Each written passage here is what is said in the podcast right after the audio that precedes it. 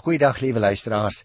Ag, dit is elke keer vir my so 'n wonderlike voorreg om julle te mag gesels.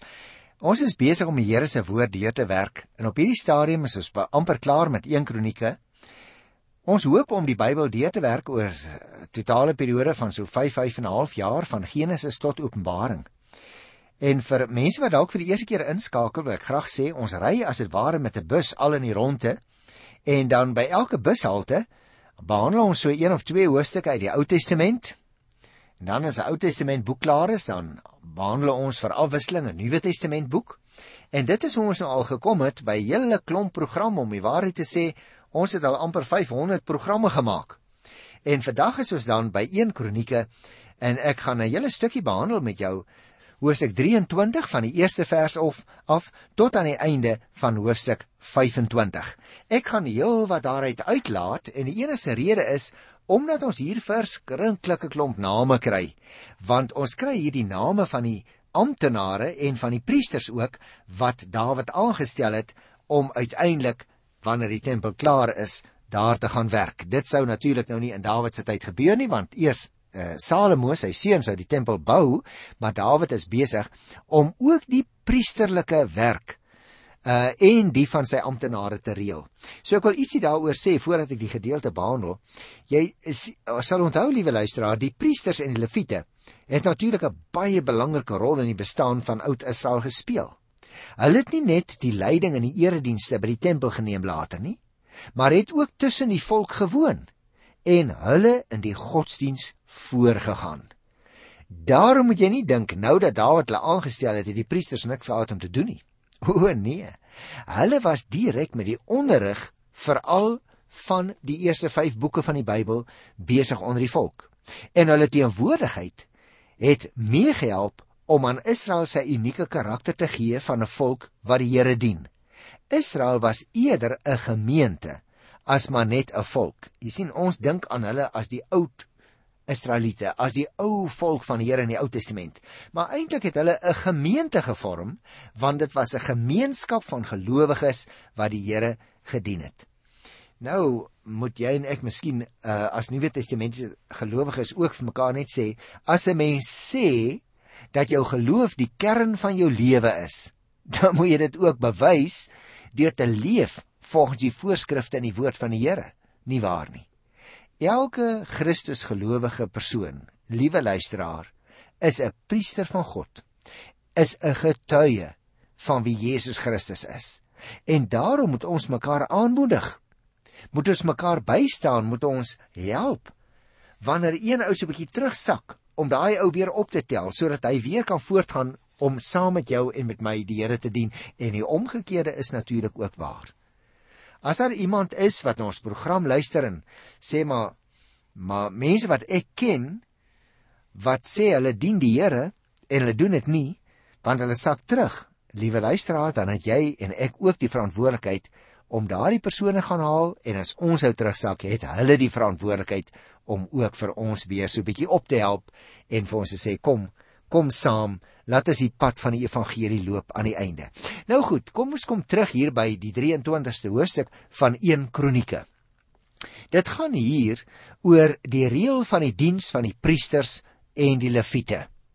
Oorsigtelik sou ek miskien net dit wou sê voordat ek daarna kyk, wanneer Dawid al die gesagsdraers in Jerusalem bymekaar laat kom het, onthou nog daar by 1 Kronieke 28, uh waarna ek al verwys het na waarby ons nou gaan kom, om uiteindelik vir Salomo koning te maak, sal hy dit uiteindelik aan Salomo opdra om die tempel te bou. Ons moet onthou, op hierdie stadium het Dawid nie net die planne vir die tempel al klaar opgetrek en ook al die nodige boumateriaal vir die tempel alreeds bymekaar gekry nie, maar hy het ook reeds die werkerskop korps wat daarvoor nodig sou wees, begin werf en hy het ook hulle pligte uitgewerk. Kom ons luister hierso by Hosea 23 na die eerste 2 versies. Toe Dawid oud word en sy einde begin nader, het hy sy seun Dawid koning oor Israel gemaak. Hy het ook al die amptdraers van Israel, die priesters en die leviete laat bymekaar kom. Onthou jy nog? Terwyl in die vorige hoofstuk in die algemene gepraat is en reëlings getref is wat Dawid voor sy dood getref het, is sy dood in hierdie hoofstuk ter sprake. Want hier staan hy was oud en sy einde begin naderkom. Dit lyk dus vir my in aansluiting by die 15de hoofstuk en ook hoofstuk 16 sit die kronikus nou in besonderhede uiteen hoe die reëlings in verband met die tempeldiens en die openbare lewe van Israel in die tyd van die tempel op Dawid self teruggegaan het. In hierdie eerste 2 verse is eintlik maar 'n opskrif vir die res van 1 Kronieke. En dit onderskei die laaste optrede van Dawid met betrekking tot sy seun Salomo, lees ons hier, al die amptenare van Israel, die priesters en die leviete. Jy sien, die tegniek wat die kronikus skrywer volg, is om hierdie sake in omgekeerde volgorde aan die beurt te stel. Daarom begin hy in hierdie hoofstuk eers met die leviete en sluit eers in hoofstuk 29 af met 'n beskrywing van hoe Dawid sy seun Salomo koning oor Israel gemaak het. Luister na vers 3. Toe hulle getel is, was die leviete, die mans van 30 jaar en ouer, altesaam 38000 manne. Dis baie interessant. Want anders as uh, die gebeure wat in die 21ste hoofstuk beskryf word, is hier geen beswaar teen die tel van die leviete nie. Daar het ons gelees, sal jy nog onthou, dat die leviete nie getel is nie, want die generaal van die leer het gevoel dis nie reg om die klomp geestelikes te tel nie want hulle is nie soldate nie. En hier blyk dit nou dat uh, hulle ook getel is. Daar in die vorige vorige weergawe het dit immers oor sondige bybedoelinge van Dawid gegaan. Toe hy die hele volk uit magsug vir militêre doeleindes wou tel. Hier lees ons nou die mans van 30 jaar en ouer is getel. Anders as in Numeri 4 vers 2 en 8 vers 25 word die boonste ouderdomsgrens nie meer op 50 jaar gestel nie. Maar het jy opgelet? Omdat die swaar drawerk wat verbonde was aan die amp van die leviete na die bou van die tempel nie meer van toepassing was nie. Daarom kan die uh, ouderdom nou so bietjie opgaan, want die taak wat verrig sal word nadat die tempel klaar gebou is, gaan so bietjie ligter wees. Hoewel Numeri 4 vers 3 byvoorbeeld ook die onderste ouderdomsgrens op 30 jaar stel, noem Numeri 8 vers 24 die ouderdom van 25 jaar en is hier in 1 Kronieke 23 selfs sprake van 20 jaar as jy sou kyk in vers 24 en in vers 27. Nou moet ek dalk daaroor net 'n kort opmerking maak, liewe luisteraar. Die kronikus wat hierdie gedeelte geskryf het, sien self nie 'n teenstrydigheid tussen die verskillende jonger ouderdomgroepe wat hy ook hier self in eh, hierdie hoofstuk noem nie. Maar die logiese verklaring daarvan is nie vir ons heeltemal duidelik nie, wil ek dadelik sê. Moontlik die leviete bo 30 die verantwoordelikheid gedra en was die leviete in hulle 20er jare nog soort van wat ons nou vandag sou noem vakmanne of leerlinge. Dit is uh die eers enigste werklike sinvolle verklaring lyk my vir die gedeelte. Kom ons lees vers 4 en vers 5. Van hulle moes 24000 sorg dra vir die werksamehede in die huis van die Here en 6000 die orde en regspraak behartig. 4000 was poortwagte en 4000 moes sorg vir die lof van die Here op die instrumente wat daarvoor vervaardig is. Dis interessant, né? Van die groot getalle van 38000 leviete waarvan ons nou net gehoor het in vers 3, kry die grootste groep van 24000 opdrag om toesig oor die werksamehede in die huis van die Here te hou. Die samestelling van hierdie groep, liewe luisteraar, word uh, uiteengesit hier van vers 6 tot by vers 24 en daar gaan dit dan oor detail wat hulle moet doen en daarom het ek net nou vir jou gesê ek gaan dit so 'n bietjie uitlaat.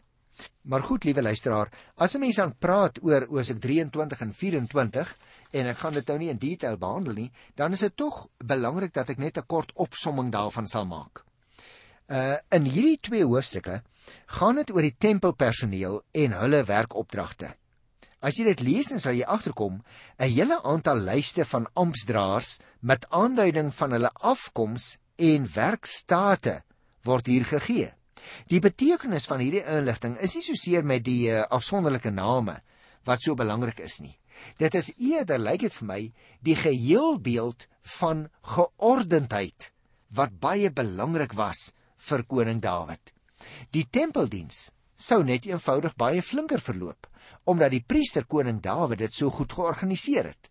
Dawid was natuurlik gesalf om as koning sy volk namens God te lei in gehoorsaamheid aan die Here natuurlik. Daarvoor moes hy sy koninklike gesag en sy besittings as koning van die land begin inspann. Ook die mense oor wie hy regeer het, moes hy in die regte poste aanstel sodat die Here gedien kan word. Soos toe hy die ark na Jerusalem oorgebring het daar in 1 Kronieke 15 en 16, organiseer koning Dawid nou sy onderdane, al is hy oud, op so 'n manier dat God op effektiewe manier in die tempel gedien sal word en dat mense gelowig die pad sal kan loop deur te weet wat die Here van hulle verwag. Dis ook interessant as 'n mens hierdie goed lees dat jy 'n gedagte hou terwyl die wette van Moses gevolg sou word om die plegtighede wat by die tempel moes plaasvind volgens die wil van die Here te doen, word Dawid se organisasie van die meeste wat die mense moes verrig in hierdie dienswerk bepalend vir die tempeldiens. Sommige het as priesters gedien, ander as leviete diens gedoen. Gaan kyk maar ook uh hier in die 23ste en 24ste vers wat ons 'n vorige keer al behandel het. Ander was weer tempelsangers. Ons uh, kry hulle hier in die 25ste hoofstuk van 1 Kronieke en ander het gedien as wagte by die ingange hoofstuk 26 se opskrif is spesifiek die poortwagte. Sommige van hulle was wat ons nou waarskynlik vandag se noem veiligheidswagte vir die kosbarehede in die tempel. Want in daardie tyd was daar ook mense wat gesteel het. Dit is nie net in ons tyd so nie. Selfs vir sake buite die tempel, soos byvoorbeeld die reg en die orde, stel Dawid priesters aan.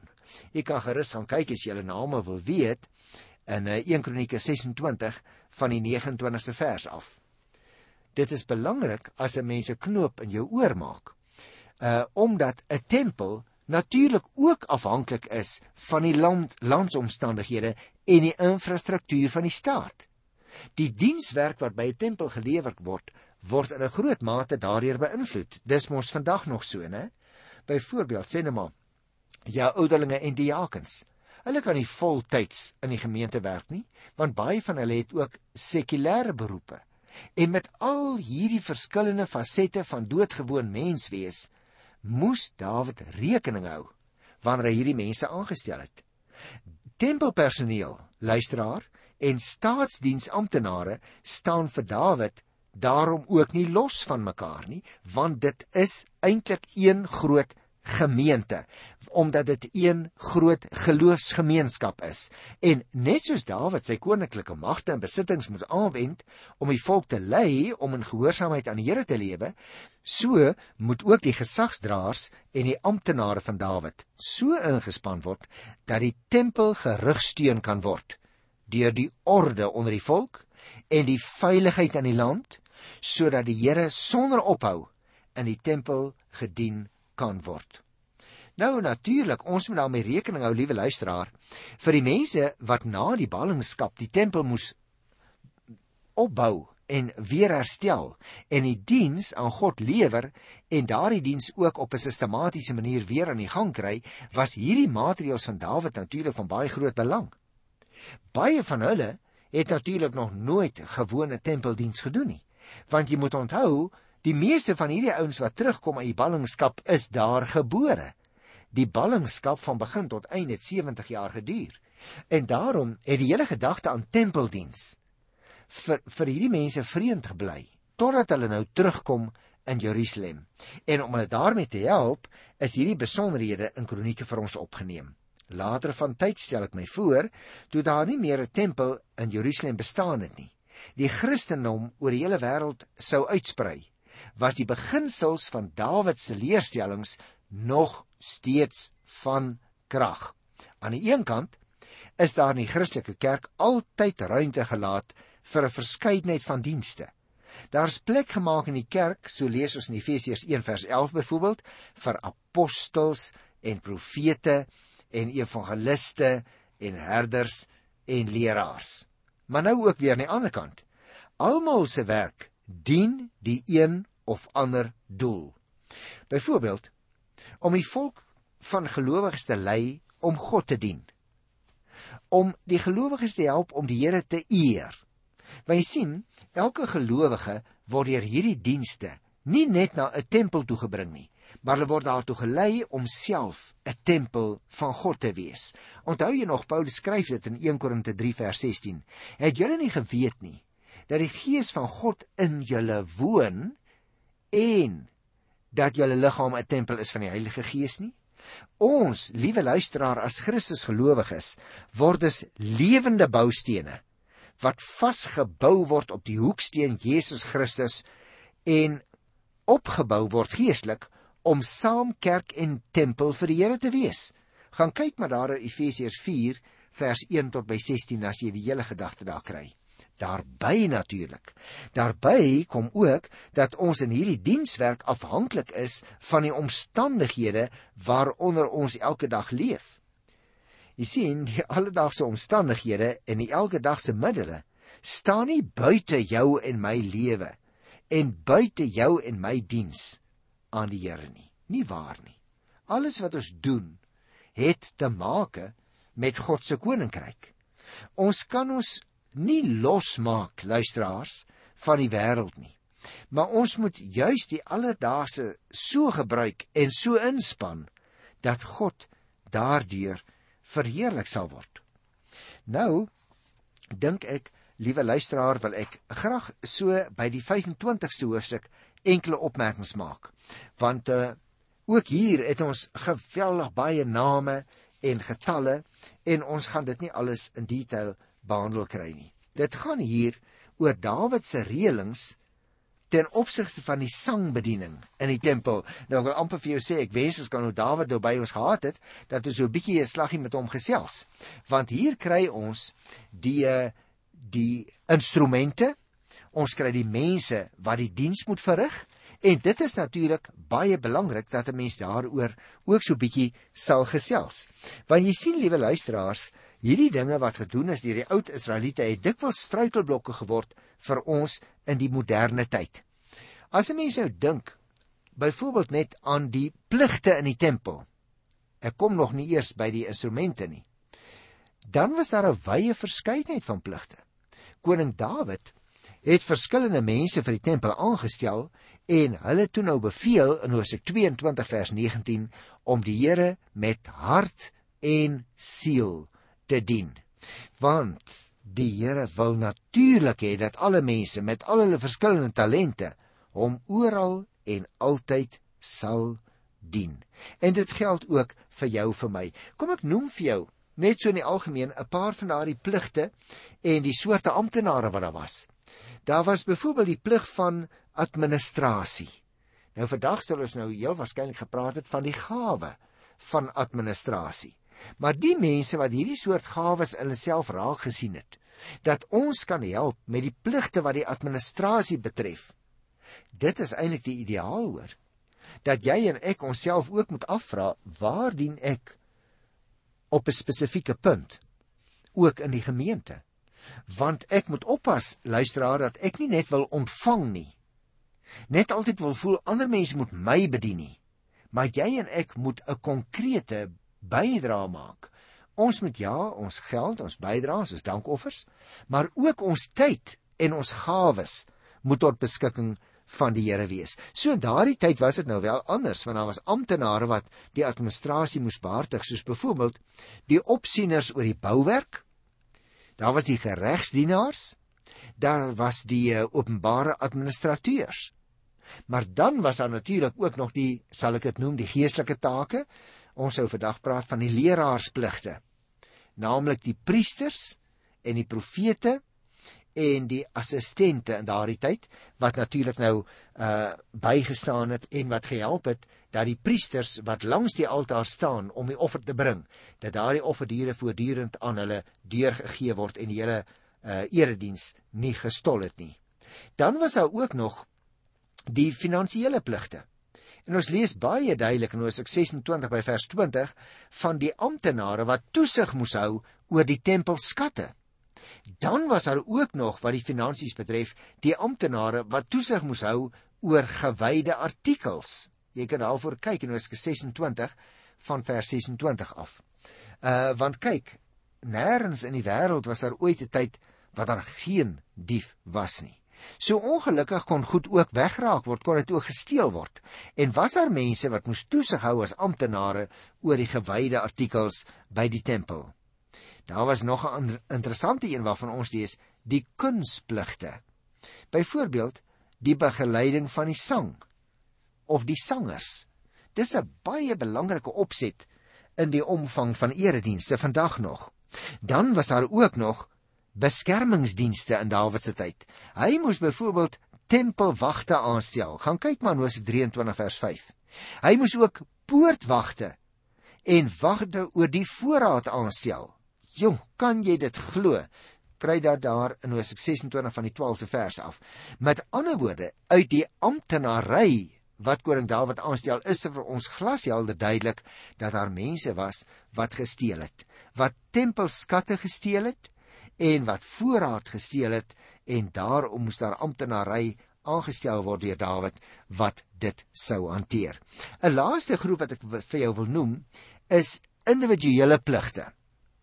Byvoorbeeld 'n administratiewe amptenaar of 'n siener in die diens van die koning of 'n profeet in diens van die koning of 'n hoofamptenaar wat belas was met toesig. Gaan lees maar van sulke mense, jy sal die name ook daar kry in Hosea 26 vers 23 en 24. Nou as ek dit moet saamvat, liewe luisteraar, dan kan ons nou uh, in die detail ingaan as ons wou, maar ek wil nie by al die name stil staan nie. Jy kan dit self lees want dit is nou nie die interessantste leefstof uh, wat daar is nie, maar as mense wil kyk hoe Dawid sy hele koninkryk georganiseer het, dan sou ek sê dan moet jy 'n baie deeglike studie daarvan maak. Ehm um, ek sou ten slotte net weer vir jou daaraan wou herinner dat ons nie regtig weet wie die kroniek skrywer was nie, uh of skrywers in die meervoud nie. Dit was 'n onbekende persoon of dit kon ook 'n onbekende godsdiensgroep gewees het na wie soms as die kronikus verwys word. En is belangrik dat ons die gehoor, met ander woorde die lesers in gedagte sal hou. Wie was hulle? Die lede van die volk van Israel wat hulle na die ballingskap weer kom vestig het in Jerusalem. Hulle moes hulle self sien as 'n voortsetting van die ou Israel, die volk van God wat hy vir homself uitgekies het.